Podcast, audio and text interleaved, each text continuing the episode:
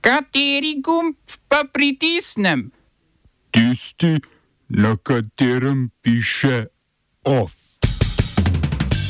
Macron za novega francoskega premijeja izbral Atala. Zdravniki na enodnevni opozorilni stavki. Ministrstvo za okolje za gradnjo kanala C0 s kineto presoja vplivov na okolje ni potrebna. Mladi za podnebno pravičnost v avli Ministrstva za okolje opozorili na škodljivost posodobitve nacionalnega podnebnega in energetskega načrta.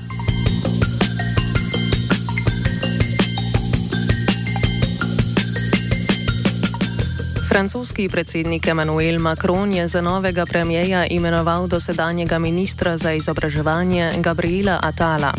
Imenoval ga je manj kot 24 ur po odstopu Elizabeth Buren, ki je z položaja odstopila predvsem zaradi pritiskov po sprejemu rasističnega zakona o priseljevanju.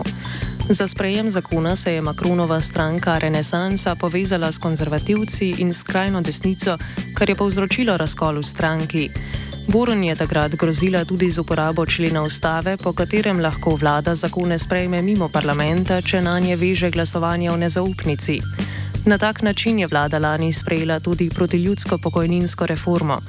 Macron želi z menjavami v vladi pridobiti nov naboj pred spomladanskimi evropskimi volitvami, na katerih mu grozi poraz proti skrajno desničarskim silam na čelu z Marine Le Pen.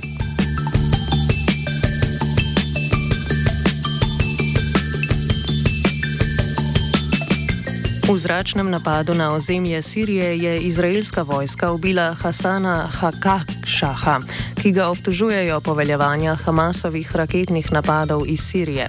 Sicer se danes v Izraelu mudi notranji minister Združenih držav Amerike Anthony Blinken, ki je dejal, da bo poskušal prepričati izraelskega premijeja Benjamina Netanjahuja, naj poskuša v napadih bolj zaščititi civiliste. Prekinitve ameriške vojaške pomoči Izraelu, ki to pobijanje civilistov omogoča, seveda ni napovedal.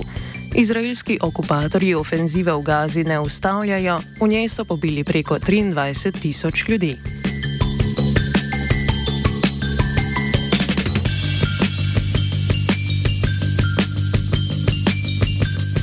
Nigersko vojaško sodišče je iz pripora izpustilo Salema Bazuma, sina odstavljenega predsednika Mohameda Bazuma. Vojaško sodišče ni navedlo razloga za izpustitev. Mohameda Bazuma je julija v državnem udaru vojska odstavila in predsednika skupaj z družino zaprla v hišni pripor v predsedniški palači.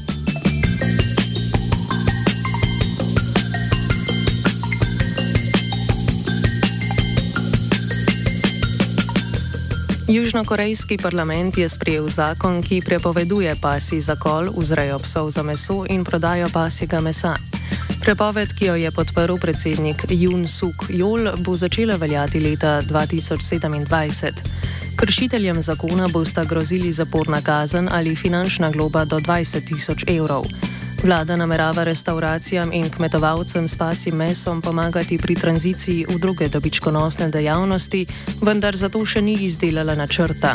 Zaposleni v industriji s pasim mesom protestirajo proti uveljavitvi prepovedi, čeprav se njihovi profiti iz leta v leto zmanjšujejo.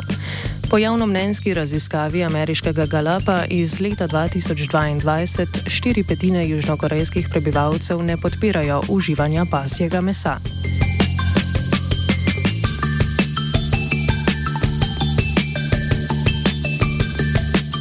Kubanski finančni minister Vladimir Reguero je naznanil petkratno podražitev benzina. Cena za liter benzina se bo februarja zvišala slabega evra na približno 5 evrov. Gospodarski minister Alejandro Gil Fernandez je prejšnji mesec povedal, da vlada ne more več vzdrževati subvencioniranih cen goriv, goriva, ker to preveč stane. Ker vlada potrebuje ameriške dolarje za uvoz dobrin svetovnega trga, bo vzpostavila tudi 29 benzinskih črpalk, na katerih bo možno plačati samo z ameriškim dolarjem. Zaradi pomankanja tuje valute Kuba težko uvaža dobrine, zato se osnovne dobrine od hrane do zdravil dražijo in jih zmanjkuje.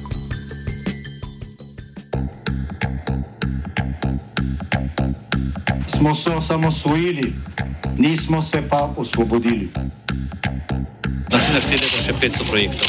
izpiljene modele, kako so se strani nekdanje LDS rotirali. Ko to dvoje zmešamo v pravilno zmes, dobimo zgodbo o uspehu. Takemu političnemu razvoju se reče udar. Jaz to vem, da je nezakonito, ampak kaj nam pa ostane? Brutalni obračun s politično korupcijo. To je Slovenija, tukaj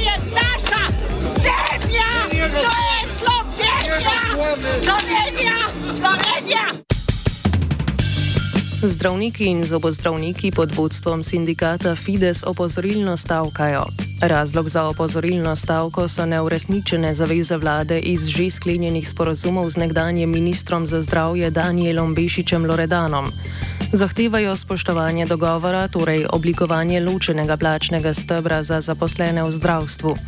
Zahtevajo tudi odpravo plačnih nesorazmerij, ki so po trditvah sindikalistov nastala z zvišanjem plač mladim zdravnikom bolj kot njihovim starejšim kolegom. Če vlada njihovih zahtev ne bo poslušala, napovedujejo začetek splošne stavke za 15. januar. Zdravniki in zobozdravniki danes do 21. ure opravljajo le storitve, katerih opustitev bi v kratkem času vodila do nepopravljive hude okvare zdravja oziroma smrti. Nenujne storitve izvajajo samo za nosečnice, nosečnice, otroke do 18. leta in starejše od 65 let. Nasprotovanje stavki bo danes na Preširnovem trgu v Ljubljani izrazilo gibanje Glas ljudstva, v katerem trdijo, da dogovor Fidesa z vlado ne rešuje javnega zdravstva.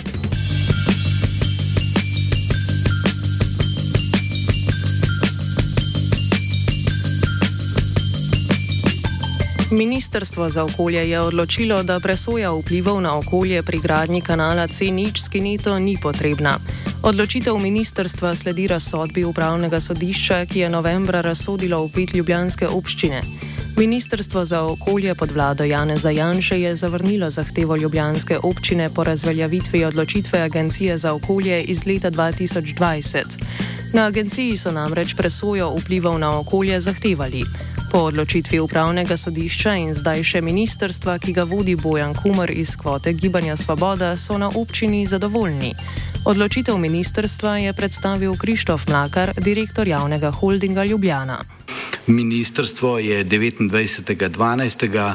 ugotovilo, da je uh, Arso dvakrat v isti stvari odločal različno in odpravilo tretjo točko uh, sklepa, ki ga je izdalo leta 2020, torej ni potrebna presoja vplivov na okolje za uh, kanal C0. Ljubljanski župan Zoran Jankovič je ponosen predvsem na sodelavce, ki so zdržali vse pritiske.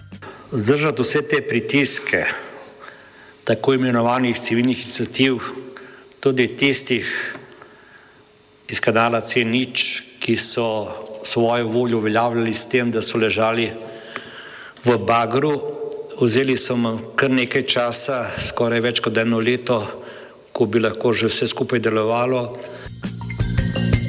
Predsednici države pa je Jankovič zastavil vprašanje. Nataši Pirc Musar, ali bo zmogla toliko poguma, kaj ti kot odlična pravnica, kot predsednica države, ki zagovarja pravno državo, ali se bo zdaj mestni občini županu Jankoviču javno pravičile za svoje navedbe. Mladi za podnebno pravičnost so zjutraj demonstrirali v avli Ministrstva za okolje, da bi opozorili na škodljivost osnutka posodobljenega nacionalnega energetskega in podnebnega načrta, krajše NEPN. Uprizorili so ležiča trupla in negibno ležali na tleh na razprostrtih transparentih. V organizaciji opozarjajo, da NEPN načrtuje prenisko znižanje emisij do konca 2030 glede na zaveze Pariškega podnebnega sporazuma. Nasprotujejo tudi načrtovanemu uničenju zaščitenih območij za gradnjo veternih elektrarn in hidroelektrarn. Opozarjajo tudi, da se načrt ne posveča dovolj energetski revščini, ki povzroča socialne stiske.